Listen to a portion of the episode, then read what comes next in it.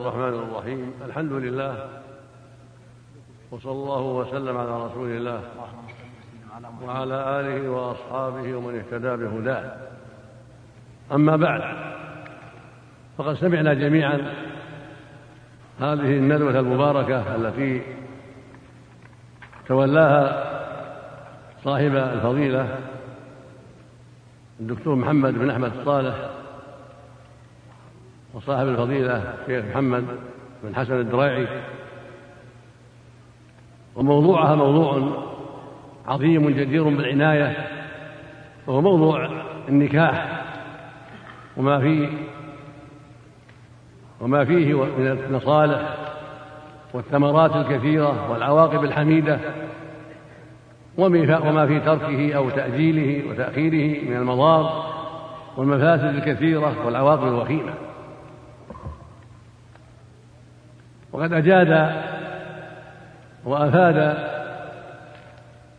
في هذا الموضوع. جزاهم الله خيرا وضاعف مثوبتهما وزادنا وإياكم وإياهما علما وهدى وتوفيقا.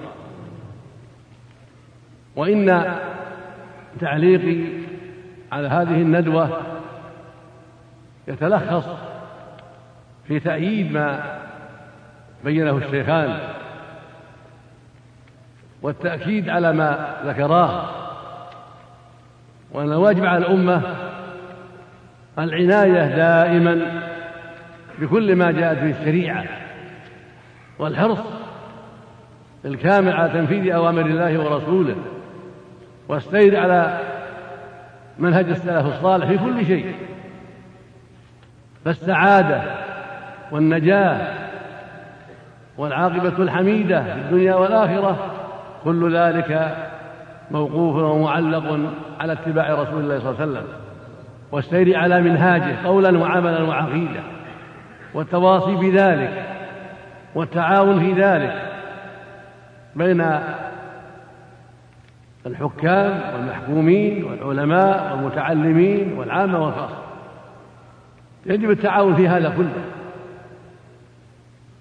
لأن الله يقول سبحانه في كتابه المبين وتعاونوا على البر والتقوى ولا تعاونوا على الإثم والعدوان ولا شك أن البدار بالنكاح والعناية بالنكاح والتأكيد على الشباب بذلك وتسهيل الطرق الموصلة إلى ذلك كل هذا من البر والتقوى ولا شك أن التعويض عن هذا الأمر العظيم ووضع العراقل العراقيل والعقبات في سبيله يعتبر من الإثم والعدوان.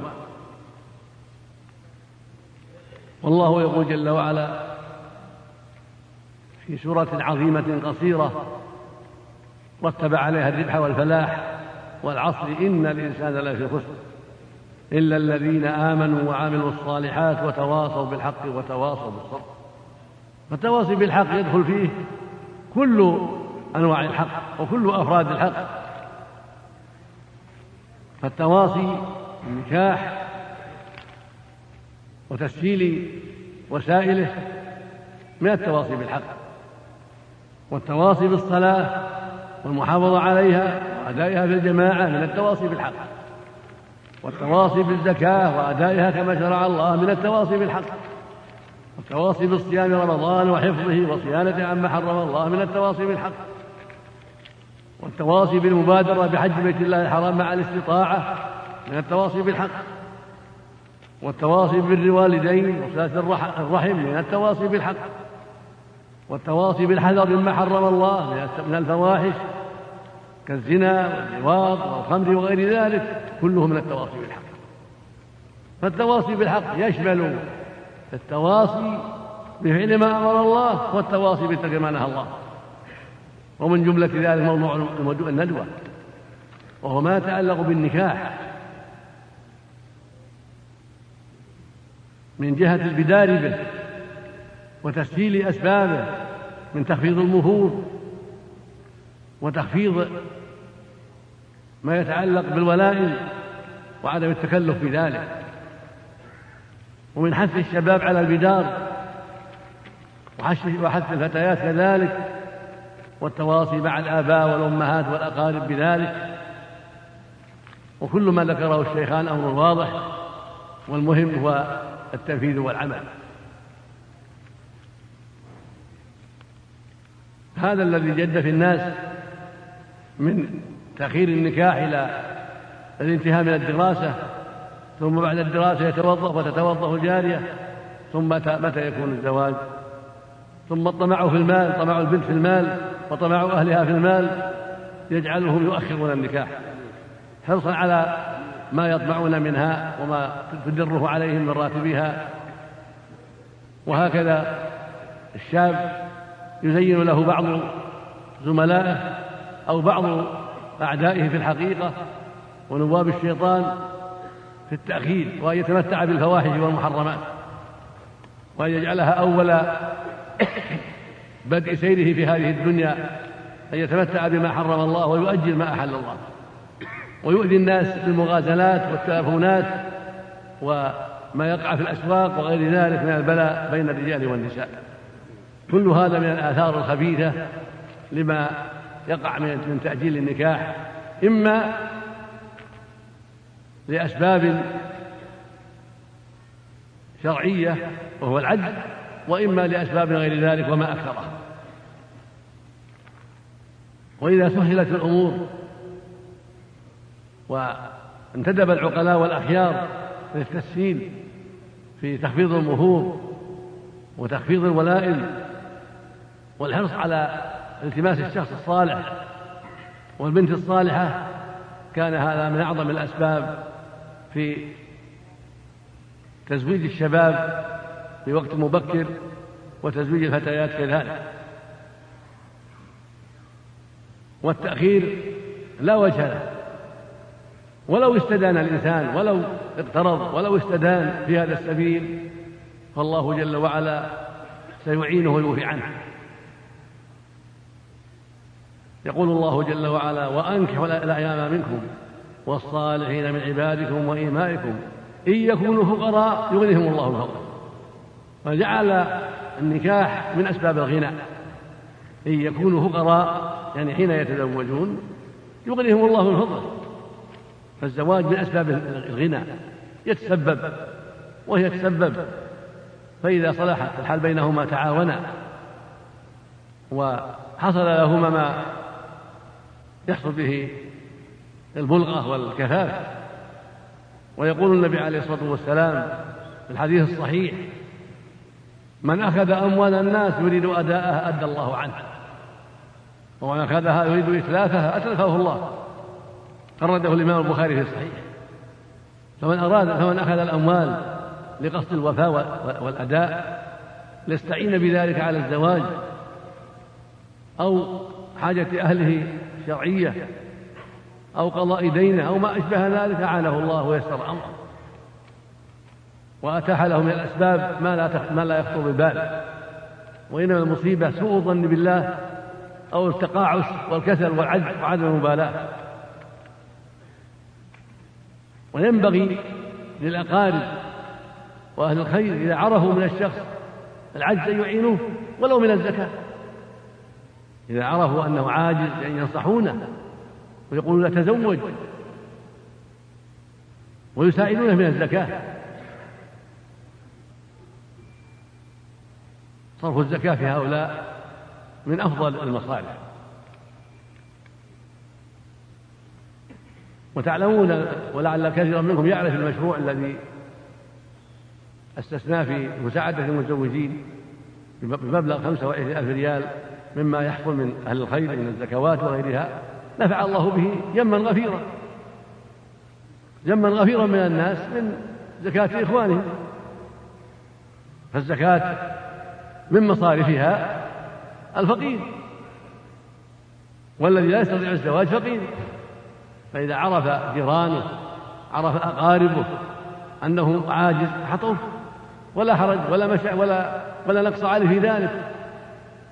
يدعونه ويقول يا فلان تزوج بادر وش حضرك نحن مستعدون لمساعدتك إما قرا وإما مساعدة وعطية أو من الزكاة. هكذا ينبغي المؤمنين فيما بينهم في أي بلد وفي أي قبيلة في سواء كان في القرى والأمصار أو في البوادي. المقصود التعاون على هذا الخير العظيم وعلى هذا المشروع العظيم الذي سمعتم فوائده من تكثير الأمة وإعفاف الفروج وغض الأبصار وإراحة الأمة من هذا الفساد في الأسواق والتلافونات وغير ذلك. الواجب أيها الإخوة في الله أن تكون هنا أذن صاغية وقلب واعي وهمة عالية في تنفيذ الأوامر والبذل بما يسر الله لكم. وش وأي قيمة للمال أي قيمة لهذا المال إذا كان ما ينفع الناس؟ أي قيمة له؟ وش المال؟ كالحجر أو التراب. وش الفائدة منه إذا كان لا ينفع؟ إذا كان لا ينفع لا قيمة له بل يضر أهله. يضرهم إذا بخلوا به ولم يؤدوا حقه ولم يخرجوا زكاته ولم يساعدوا فقيرهم ومحتاجهم وقريبهم. المسلمون إخوة جسد واحد. يقول النبي صلى الله عليه وسلم المؤمن للمؤمن كالبنيان يشد بعضه بعضا. وشبك بين أصابعه. خرجه الشيخان في الصحيحين. ويقول عليه الصلاة والسلام مثل المؤمنين في توادهم وتراحمهم وتعاطفهم كمثل الجسد. إذا اشتكى من عضو تداعى له سائر الجسد بالسهر والحمى. متفق على صحته. أين التراحم هذا والتعاطف؟ وأنت تعلم أن فلان ولد عمك أو جارك فقير ومدة بالزواج قد بلغ عشرين أو خمسة وعشرين أو أكثر. وعندك المال. ما تساعده؟ أين الأخوة الإيمانية؟ أين العطف؟ أين المحبة؟ أين الجود والكرم؟ إذا كان ولا بد فأقل شيء من الزكاة. إذا كانت النفس لا تسمح بالمساعدة. من صلب المال فأقل شيء الزكاة. يعطى من الزكاة ما يعينه على الزواج.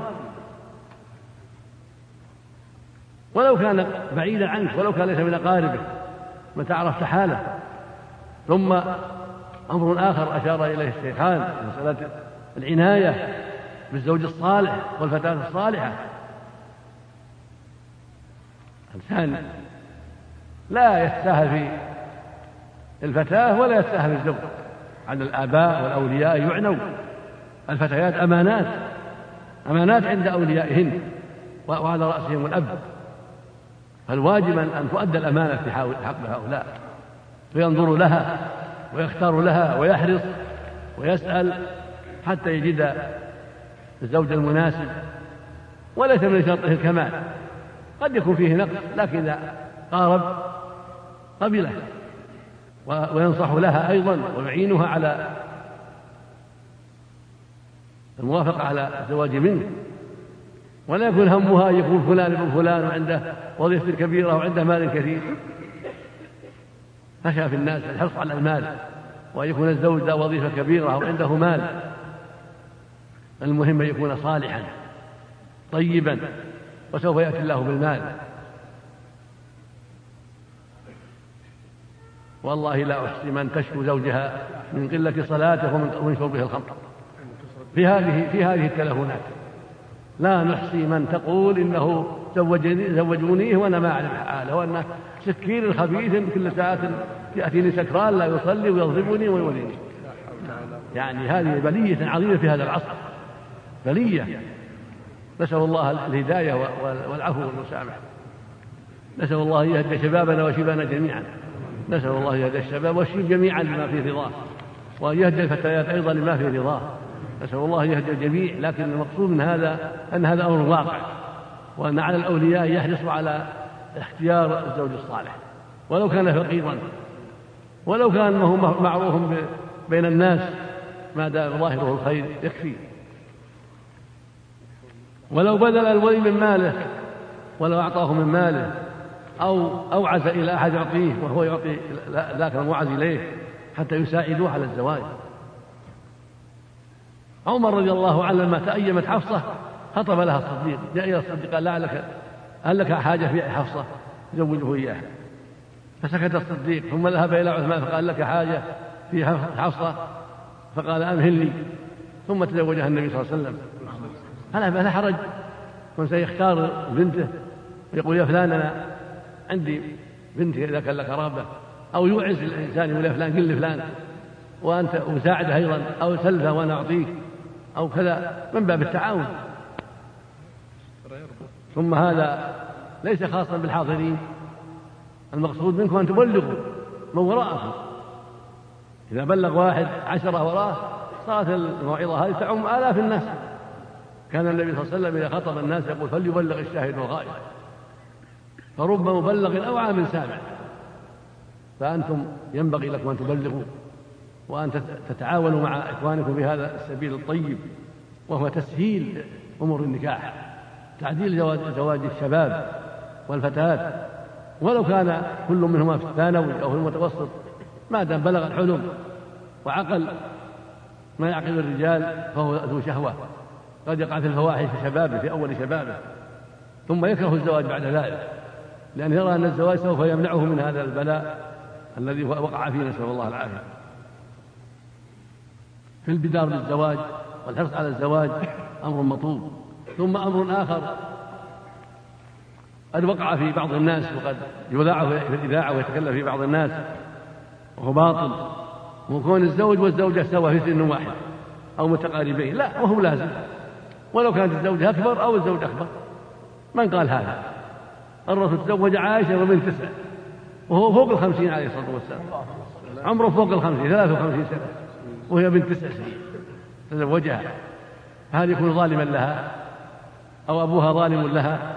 هي رضيت وأبوها راضي كلهم راضون بهذا الخير العظيم. وتزوجت وتزوج خديجة وهي بنت أربعين وهو بن خمس وعشرين سنة. قبل النبوة تزوج خديجة لعقلها ودينها أخذها وهي بنت أربعين وهو بن خمس وعشرين بينه وبينها خمسة عشر سنة. ليش هذه الإذاعات الخبيثة تقول كذا وكذا. لابد يكون الزوج حول الزوجة في سن واحد أو متقدم. قيد على هذا. إذا جاء الزوج الصالح ولو أنه أم أربعين وهي أم عشرين أو خمسة عشر الأمر لا لا شيء في هذا. سواء كانت فوقها أو فوقها في السن. المهم أن يكونا صالحين. يكون الزوج صالحا وأن تكون صالحة ولا يضر ارتفاع السن بينهما. فينبغي أن يلاحظ هذا وأن يعرف العاقل هذا الشيء حتى يقنع بنته وأخته بهذا الشيء. ويجب على الإذاعة والتلفاز أن يجعلوا في هذا من يبصر الناس. ولا يجوز لهم أن يذيعوا ما يفتر الناس ويكسرهم عن الزواج بغير من من هو في سنها وهي في سنه. وهذا إن شاء الله سوف نعمل ما يلزم من جهته مع المسؤولين. وعليكم على كل من منا جميعا أن يبذل الوسع في هذا الشيء وينشر هذا الشيء. أن هذا غلط. كذلك أمر آخر وهو التعدد في الزوجات. هناك الآن حرب لهذا الأمر بين بعض الناس. يتشبهون بالنصارى وغير النصارى ويعادون التعدد ويرون أن التعدد جريمة. يصرح بعضهم بأنه جريمة أعوذ بالله. يعني هذا من الجهل في الدين وعدم البصيرة. والتزوج مطلوب. عند الحاجة إليه. الله يقول فانكحوا ما طابق من النساء مثنى وثلاث ورباع والنبي تزوج عددا. والصحابة تزوجوا عددا. النبي معه تسعة أباح الله له تسعة أكثر من أربع عليه الصلاة والسلام. وأباح لنا أربع أباح لنا أربع فإذا دعت الحاجة إلى ذلك الإنسان عنده مال عنده قوة والواحدة لا تحسنه. الواحدة لا تحسنه إذا كان عنده قوة شهوة وعنده قدرة. المرأة يعتريها مرض يعتريها الحيض يعتريها النفاس يعتريها أسباب أخرى. فأين فماذا يفعل؟ يجامعها في الدبر يجامعها وهي حائض. هذا محرم كله. فإذا كان إذا الحاجة إلى يتزوج ثانية أو ثالثة أو رابعة ينبغي أن يعان ما دام يستطيع. ما دام يستطيع. العدل ويستطيع النفقة فالحمد لله. هؤلاء الذين يحاربون التعدد إنما يحاربون الدين. يدعون إلى دين النصرانية نعوذ بالله. نعم. يحاربون الإسلام وما جاء به الإسلام ثم أيضا إذا وجد المرأة نصف رجال صار ثانية اثنتين أو ثلث وهي ثالثة أو ربع أي هذا أفضل لها أو جلوسها في بيتها إلى أن تموت. نصف الرجال خير لها من قعدها في البيت وثلث الرجال وربع كذلك. فيه مصالح يعفها وينفق عليها قد تكون فقيرة ويحصل لها بذلك من الناس ما شاء الله. فهو خير كله ولو ما جاء إلا ربع ليلة من أربع. على خير عظيم. خير لها من بقائها في بيت أهلها عانسة ضعيفه تعتريها الامراض والأوهام والأفكار السيئة. كم كم من امرأة أصابتها أمراض وافكار سيئة باسباب بقائها في البيت من دون زواج. ينبغي التفكير في هذا والحرص على هذا الأمر والتواصي من الآباء والإخوة والأقارب. بالنصيحة لهؤلاء الذين يتساهلون في الزواج يحبس بنته إلى وقت طويل أو يحبس ولده أو الولد يتكاسل. ينبغي التشريع بكل ممكن على البدار بالزواج للرجال والنساء جميعا. وألا يؤجل إلى التخرج أو إلى كذا أو إلى كذا أو إلى يشتري فلة ويفرش سبحان الله. وهو هو شرط فلة تملكها ولا شقة. الاستئجار. عاش الناس يستأجرون. وأي ضرر في هذا؟ كل هذا من من تخذيل الشيطان ومن أسباب أيضا أعداء الدين وأعداء الإسلام المخذلين. فالواجب على المسلمين ألا يتأثروا بهذا وأن يكونوا حربا لكل ما يخالف شرع الله. وأن يتواصوا بطاعة الله ورسوله والحرص على تنفيذ أوامر الله ورسوله في النكاح وغيره رزق الله الجميع التوفيق والهداية وجزى الشيخين عن ندوتهما خيرا وضعف لهما الأجر ورزقنا وإياكم العلم النافع والعمل الصالح والفقه في الدين والثبات عليه ووفق ولاة الأمر لكل ما فيه صلاح العباد والبلاد وأصلح أحوال المسلمين في كل مكان وولى عليهم خيارهم وأصلح قادتهم ورزقنا وإياكم التعاون على البر والتقوى والتواصي بالحق والصبر عليه. إنه سميع قريب وصلى الله وسلم على نبينا محمد وعلى آله وأصحابه.